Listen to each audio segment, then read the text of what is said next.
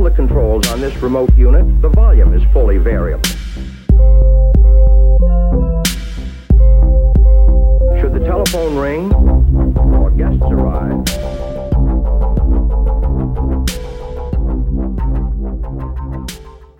Nu vill jag presentera Hans Lindblom. Hans är intensivvårdssjuksköterska, har sin bas på Södersjukhuset här i Stockholm.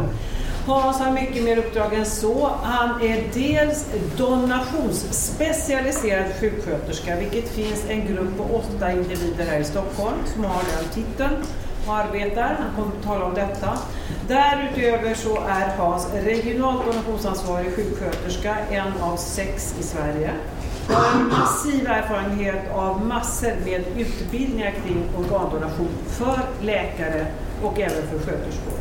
Nu ska du tala om det, en otroligt viktig del av hela den här processen och det är samtalet med de närstående. Varsågod. Tack. Tack, jag micken så har ni verkar som Bra.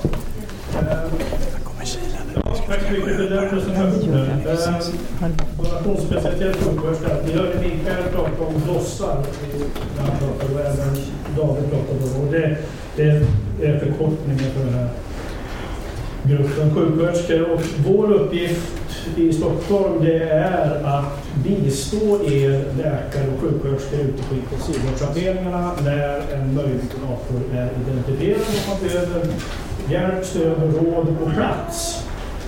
Eh, till exempel med den vård som David pratade om, eller när det handlar om att, ut, eh, att, att vi ska försöka eh, ta reda på om det finns ett samtycke eh, hos om, om organ och vävnadsdonation. DOS-sköterskorna är välutbildade intensivvårdssköterskor och jag har lång erfarenhet. Och nu, nu är vi en ganska stationär grupp och jag, jag tror att någonstans i storleksordningen 70-80 donationer är vad en Vandos har varit med om. Eh, nu ska jag sticka ut hakan och gå emot lite grann vad David sa. David sa att det, det, finns, ingen, det finns ingen lag, jag gör det, det finns ingen lag som säger att man får börja prata donation med närstående. Eh, det finns ingen rekommendation om det heller.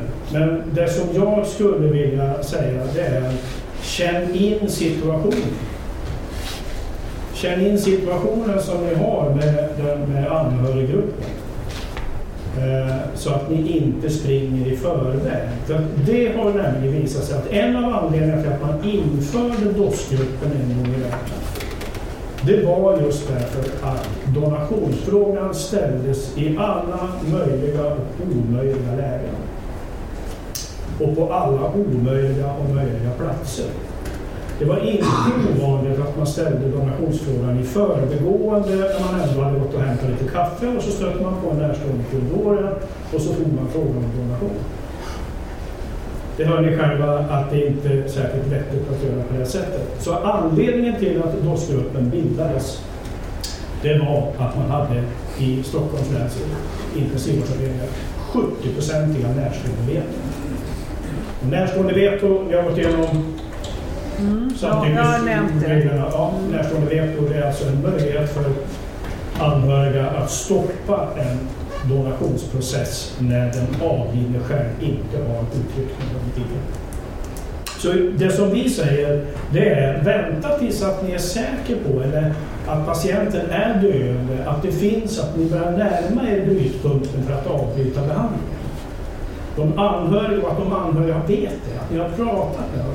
Ge upprepad information så att ni vet att de närstående är med er i processen. För då kan ni också känna in när det är läge att börja prata. Och ibland är det, precis som David sa, ibland är det väldigt tydligt att, det är de, att de närstående själva känner till detta och själva tar upp frågeställningen. Men är vi inte framme vid att vi har en avliden patient så ska vi, inte bara, då ska vi bara inte rakt av bekräfta att jo då, det ska bli donation. Utan istället så bekräftar vi att vi har hört vad de har sagt. För fortfarande är det så att det bara är den avlidne patienten som kan donera. Inte den nästan döda. Så anhöriga måste ha förstått vilken, var processen är på väg någonstans. Och det är ju vårt uppdrag och det är ert uppdrag framförallt. Att prata med närstående, att se till att hålla dem informerade. Inte bara en gång, utan flera gånger. Det här är ju inte, det här är inte något annat än det ni annars gör när ni pratar med patienter eller anhöriga. Jag menar, ni har ju säkert suttit i hur många sådana här svåra, viktiga samtal som helst, även om de just då inte har handlat om donation. Så på samma sätt som vi har ändrat eh, sättet som vi vårdar organdonatorer till att gör det ni är bra på, så är det samma sak med det. Gör det ni kan, gör det ni redan kan. Det finns en annan orsak till att man inte ska ta upp och börja diskutera organdonation och det har också att göra med att om detta är ett polisärende, eller kan misstänkas vara ett polisärende, då måste jag ha pratat med polisen först. Därför att de, polisen kan bestämma att en rättsmedicinsk undersökning ska göras och att den kommer att hindras av en organdonation. Så om polisen har invändningar och säger nej, ni får inte röra kroppen, ni får, så fort, fort behandlingen avbryts, när patienten dödförklaras så ska behandlingen avbrytas och sen kommer vi att hämta kroppen till solen. Då blir det ingen organdonation. Och då är det också obra att behöva gå tillbaka från anhöriga och säga ja, tyvärr, nu vart det. Det kan finnas kontraindikationer, det vet ni inte förrän ni har pratat med transplantationskoordinatorn. Förrän provtagning är färdig. Man ska inte lova bort saker som, som man inte kan lova. Och det kan finnas ett nej i registret. För det är på det sättet att vi får prata med de anhöriga om donationer. Anhöriga får prata med oss om donationer. Vi får eh, fråga efter om det finns donationskort i plånboken.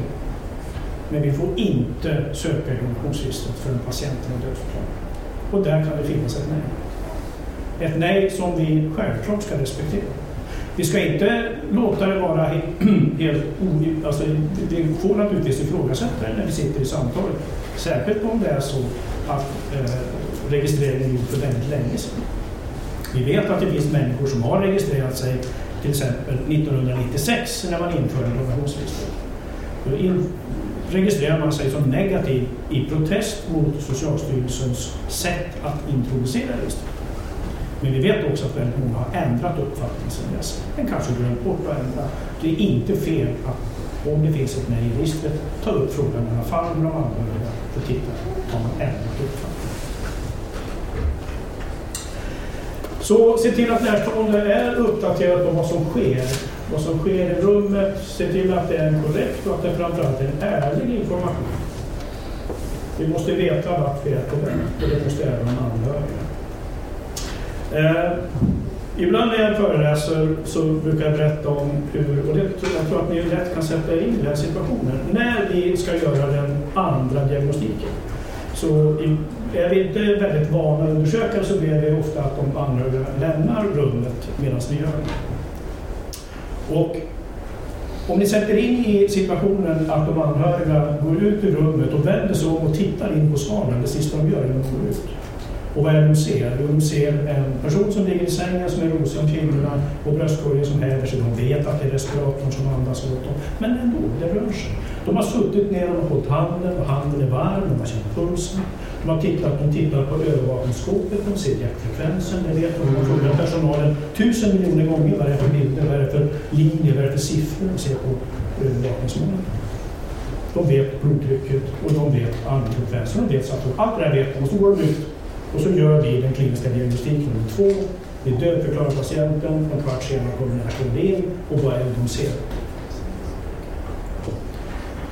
Exakt samma sak som de gick ut. För dem så händer ingenting. För de kommer in och ser exakt samma sak. Vi däremot som har varit inne och gjort en diagnostik eller varit med, vi vet att patienten är död. Vi måste vara öppna med vad det är vi gör hela tiden. Se till att de anhöriga har korrekt information och är med oss på tåget. För när vi sen går in och sätter oss i samtalet, då är det här den viktigaste parten. Man får gärna, det här är ju, det här är ju basic, men det är väldigt bra att man vet vilka de närstående är. Vilka är det jag pratar med? Vem är det som är frun? Vem är det som är maken? Vem är brodern? Vem är kusinen? Vem är vad? Ibland träffar vi, och oftare och oftare, eh, patienter och anhöriga från, som är, inte är födda i Sverige. Eh, där kan det finnas särskilda regler om vem man pratar med. Det måste man också ha klart för sig. Vem får föra familjens talan? Innan man går in så ska man se till att man är ett team. Det är inte ni läkare som ensamma ansvarar för hela processen. Se till att ni är ett team. Ta med sjuksköterskan, ta med undersköterskan. Se till att ni är ungefär lika många som de här skolorna, inte fler. Det kan vara färre, men det ska inte vara fler. Man får inte känna sig i underläge som närstående. Det är Ta inte med för många. Försök att utkristallisera vilken som är den närmaste gruppen närstående till den Därför att det finns läkare som har försökt att prata med 30 personer samtidigt och utreda donationsviljan och det går inte. Därför att hälften av de som är där då, de vet inte ens varför de är på sjukhuset. 25 procent av dem är helt säkra på att de är där. Och 25 procent är så chockade som hör inte ens. Att då ta upp en fråga om donation till den gruppen, det går inte. Då kommer ni få ett ramaskri av nej från alla de som inte vet varför, varför de är där. De som inte har förstått att patienten är död. Ta organ av någon som inte är död eller sjuk.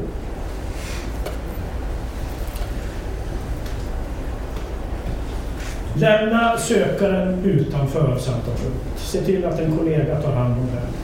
Se till att du är utvilad själv, att du inte är stressad av någonting annat som du måste göra.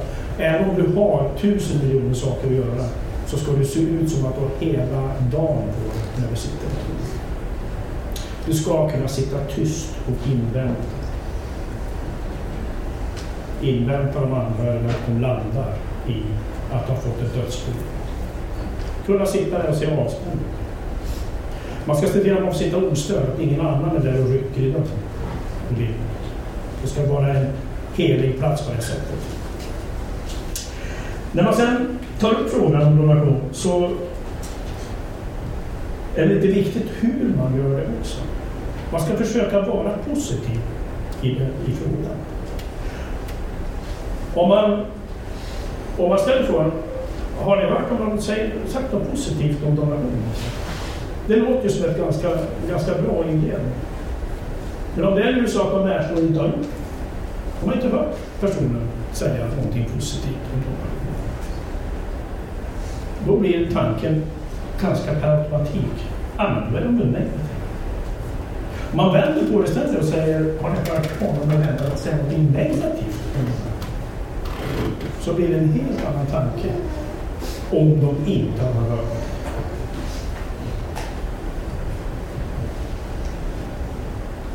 Man ska heller inte fråga, inte vill de gå ner?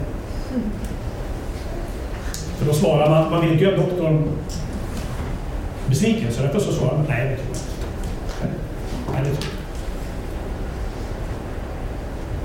jag Så tänk igenom hur ni framför Vad ni ska göra är att ni ska utreda ett samtycke till donation. Helst. Eller att klart, få, klart, få klart för er att patienten var negativ och det ska respekteras. Men det är ett samtycke vi pratar om. Och det är den avlidnes samtycke vi pratar om, inte den anhöriges. ska inte fråga de anhöriga om vad de tycker. För det är inte de som ska donera. Och de ska inte, det är inte deras åsikt som ska vägas och igenom och väga över.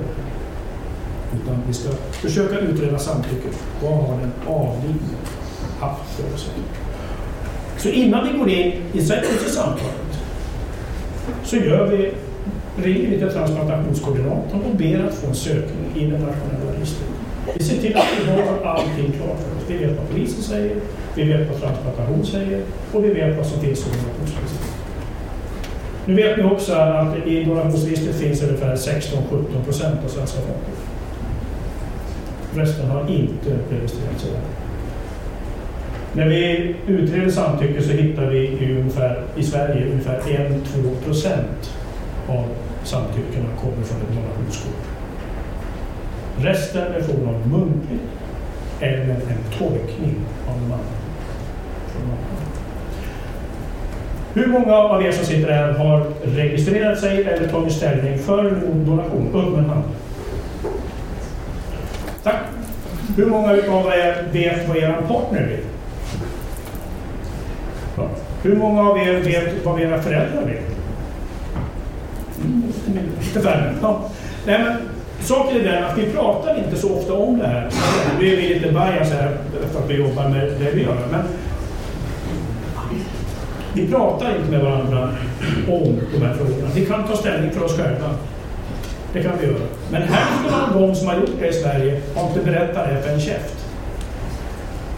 Så att när man väl sitter i den här situationen, då blir det upp till anhöriga att tolka vad den avlidne har gjort.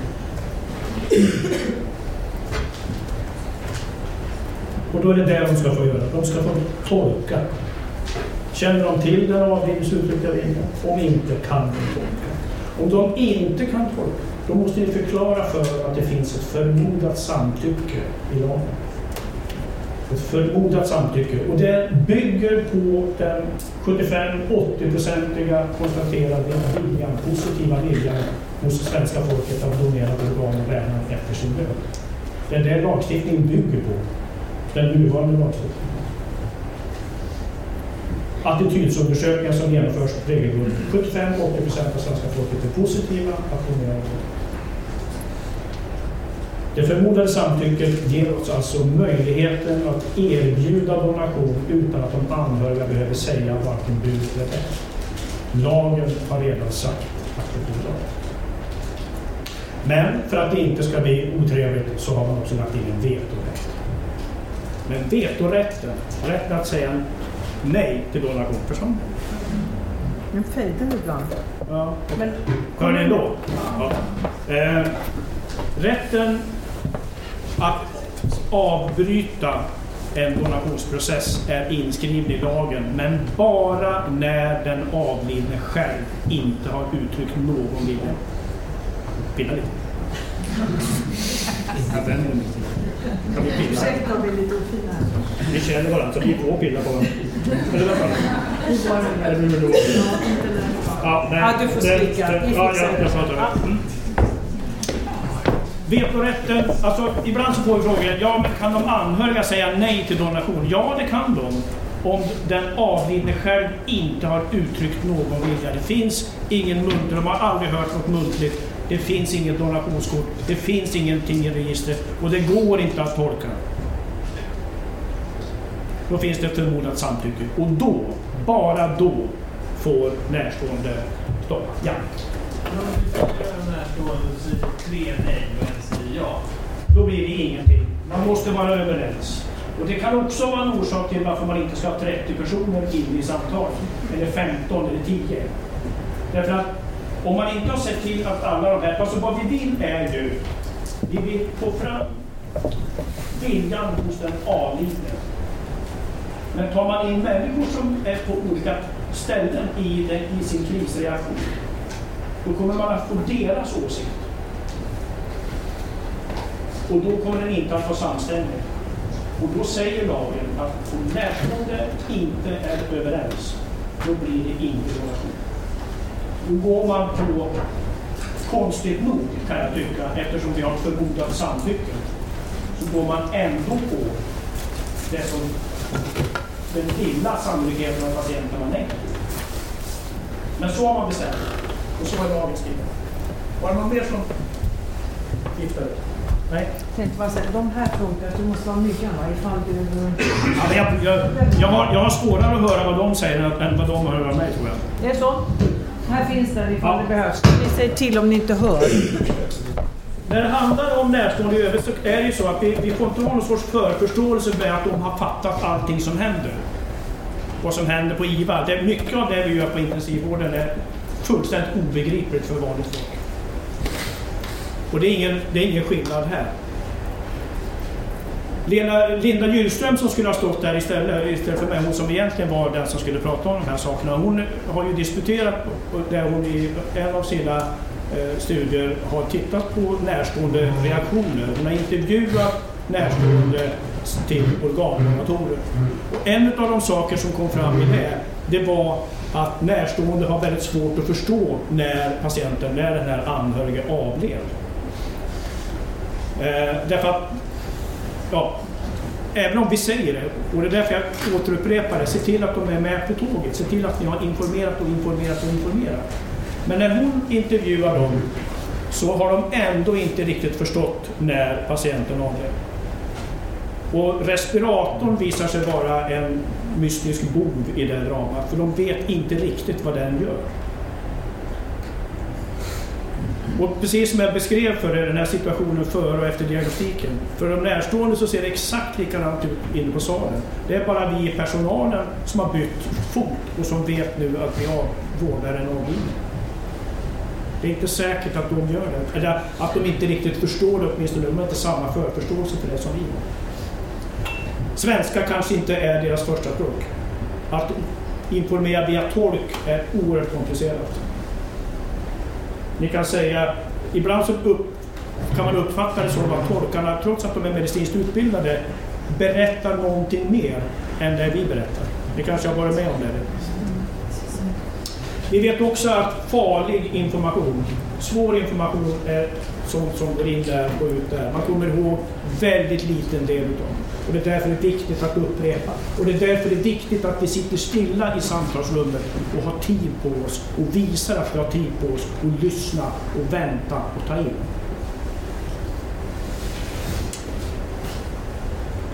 Att rekapitulera händelseförloppet från början till slut kan vara en bra idé. Ibland när vi har gjort angio så kan det vara bra att visa bilderna. Men man måste känna in, ni måste känna in det. Det är ni som är proffsen på det här. Det är ni som ska känna in vart har ni de anhöriga? Är de med på tåget? Känns det som att de förstår vad som pågår?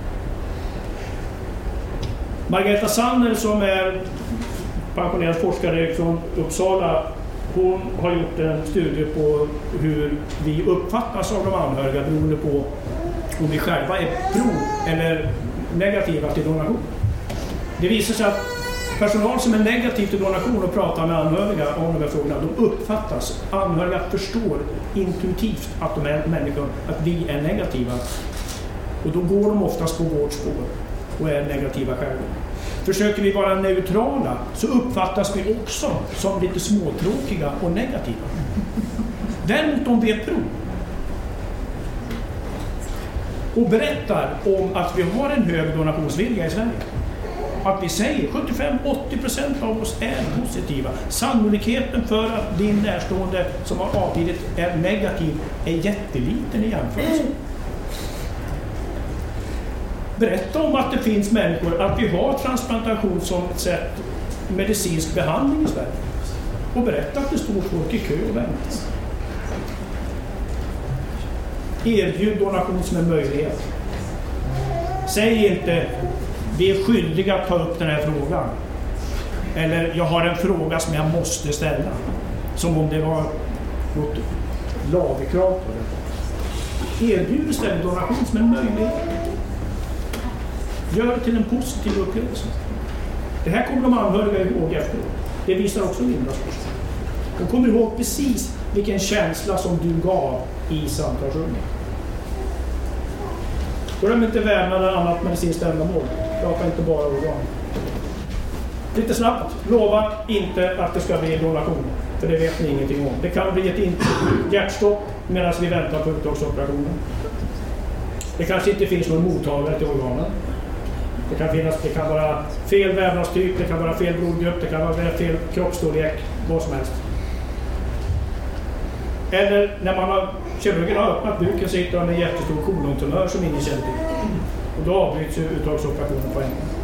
Utan istället så pratar vi om att vi ska göra vad vi kan för att donationen ska kunna genomföras. Resurs finns på din intensivvårdsavdelning i form av den donationsansvariga läkaren och den donationsansvariga sjuksköterskan. Och behöver du ännu mer kunskap så finns det utbildning. EdHep är en sån utbildning som handlar om samtalet med de närstående. Tack!